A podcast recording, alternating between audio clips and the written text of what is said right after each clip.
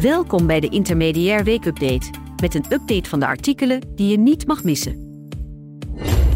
Coco kreeg verliefdheidsgevoelens voor een collega-arts. Volgens een enquête uit 2018 hebben 296.000 mensen in Nederland een relatie met een collega. Tosca Gort, arbeids- en organisatiepsycholoog, waarschuwt dat je ethisch in de problemen kan komen als je op de werkvloer direct handelt naar gevoelens van verliefdheid. Coco's verliefdheid werd steeds sterker en uiteindelijk maakte ze een move. Verliefdheid is een hormonaal proces en je hoeft er niet altijd iets mee te doen. Liefde daarentegen is iets waar je voor kiest. Breng de verliefdheid subtiel in en bouw vertrouwen op door kleine stapjes. Loopbaancoach Jolan Douwes bespreekt gebeurtenissen die kunnen leiden tot ingrijpende beslissingen over werk. Van de term loopbaanschok had Jolan nog nooit van gehoord, maar wetenschapper Jos Akkermans van de Vrije Universiteit Amsterdam heeft er zijn specialisme van gemaakt.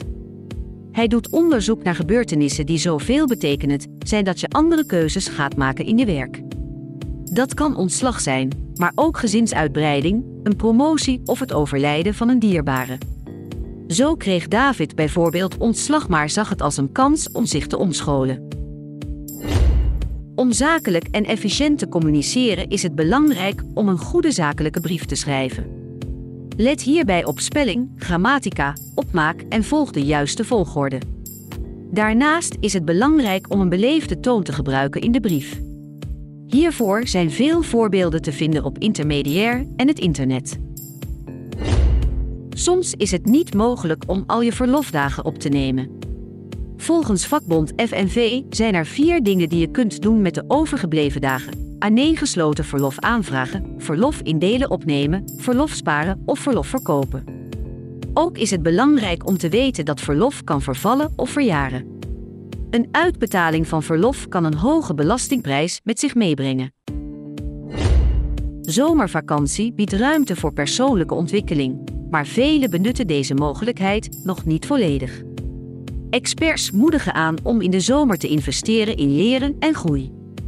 Medewerkers kunnen nieuwe dingen leren, netwerken buiten hun kring en boeken lezen over bedrijfsstrategie. Onderzoek toont aan dat bijscholing de positie op de arbeidsmarkt versterkt en werkzoekenden sneller weer aan het werk helpt. Experts adviseren om tijdens de zomervakantie klein te beginnen, zoals meelopen bij een ander bedrijf of het lezen van boeken. Leren moet leuk zijn en niet te veel tijd in beslag nemen van de tijd voor ontspanning en gezin.